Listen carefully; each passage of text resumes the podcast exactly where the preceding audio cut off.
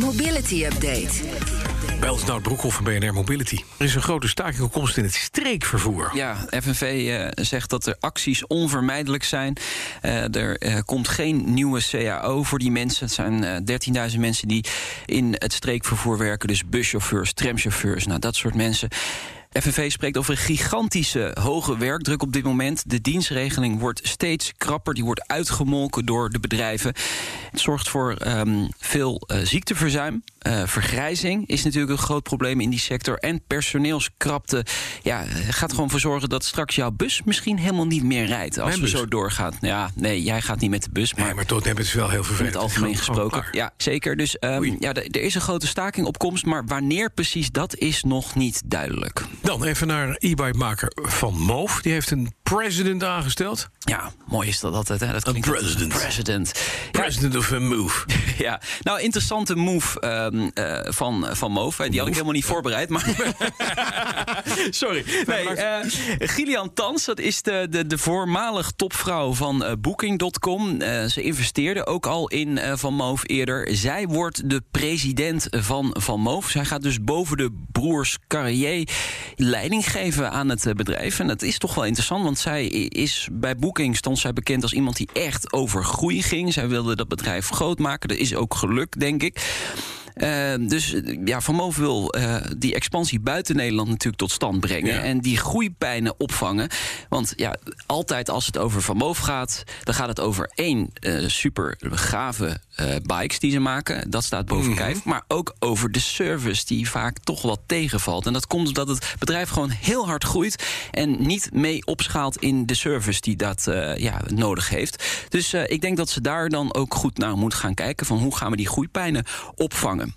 Benieuwd. Verder met een Belgisch onderzoek naar afleiding in het verkeer. Ja, onthutsende resultaten zou ik toch wel willen zeggen. Uitgevoerd door uh, VIAS, dat is het kenniscentrum voor verkeersveiligheid en mobiliteit in België. Ja. En daaruit blijkt dat autobestuurders ongeveer de helft van de rijtijd afgeleid zijn in het verkeer. De, helft van de rijtijd? van de rijtijd, ja. En waar laten ze zich door afleiden? Nou, een derde zit op zijn of haar Mobieltje, mobiele telefoon. Ja, inderdaad. Maar ook een deel door het infotainmentsysteem. Dus je bent bezig met de muziek regelen, de radio, et cetera. En wat ook nog meespeelt is eh, eten. Er wordt veel gegeten onderweg. Ehm, ja, dat, dat heeft Mhm. maar dat kan je toch gewoon terwijl je kijkt naar de weg, of niet? Ja, ja, ja. Of prik je ja, dan ja. die maar als je dan net die hamburger in je mond hebt... en, je, ja, je, en er gaat een vl- vlak iemand voor je rijden... dan wil je natuurlijk niet die ketchup op je kleding hebben... dus dan toch maar de vangrail in. Ja, en het, het brooddommeltje... Oh ja, dat is het. Het brooddommeltje moet natuurlijk opengemaakt Ja, worden. oh. Dat is ook een dingetje natuurlijk. Dommeltje. Nou ja, Nou ja, eh, oké, spreken. zoiets, ja. eh, verder worden mensen ook vaker afgeleid door medepassagiers. Dat, dat eh, gekwek naast je de hele tijd word je natuurlijk helemaal gek van.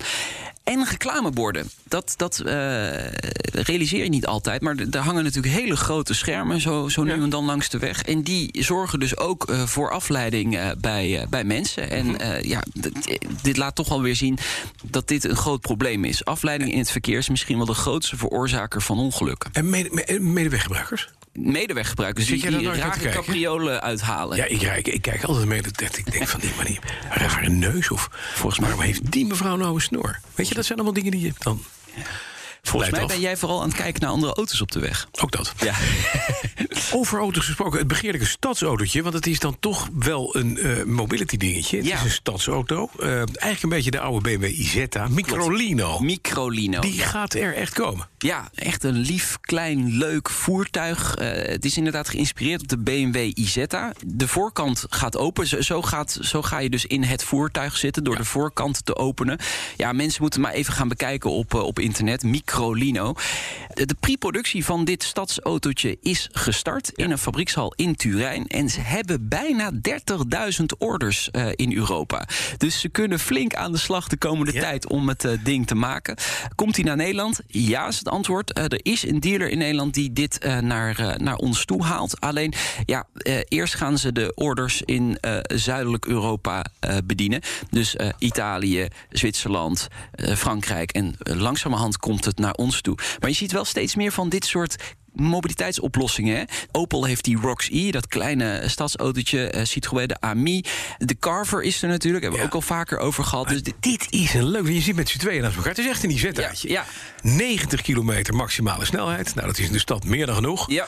Hij kost 12.500 euro. Valt mee, hè? ja. Dat vind ik nou echt, dat vind ik echt gewoon cheap. En het ziet er leuk uit dat zegt nou eerlijk, het, het, het, ziet er beter uit dan wat dan ook uh, op de weg rondrijdt van dit soort kleine uh, ja. voertuigjes. Ja. Ik vind het een, uh, vind het een leuk ding. Dat Retro. moet gezegd worden. Mooi, mooi, mooi. Uh, jij gaat straks door naar de TU Delft voor de studie. Nee, ik ga niet studeren. Ik ga een reportage maken daar. Want de TU Delft heeft een rijdend lab voor zelfrijdende auto's uh, daar rondrijden. Hm. Um, en de vraag die ze daar probeert te antwoorden is... hoe reageert de mens op autonoom rijden? En dan vooral bij level 5. Dus dat je helemaal geen stuur en geen pedalen meer hebt. Ja. Nu ga jij zeggen, de mens gaat daar sowieso niet op reageren... want autonoom is een droom. Is een droom. Dus dat gaat nooit gebeuren. Maar we gaan toch even, even, kijken. even kijken of daar iets uh, van te maken valt. Dus dat is maandag te horen in uh, BNR uh, Mobility. Oké, okay, nou dankjewel. Maandag om half drie. Dus een nieuwe aflevering is die dan van BNR Mobility. BNR Mobility Update wordt mede mogelijk gemaakt door BP Fleet Solutions en ALD Automotive. ALD Automotive. Ready to move you.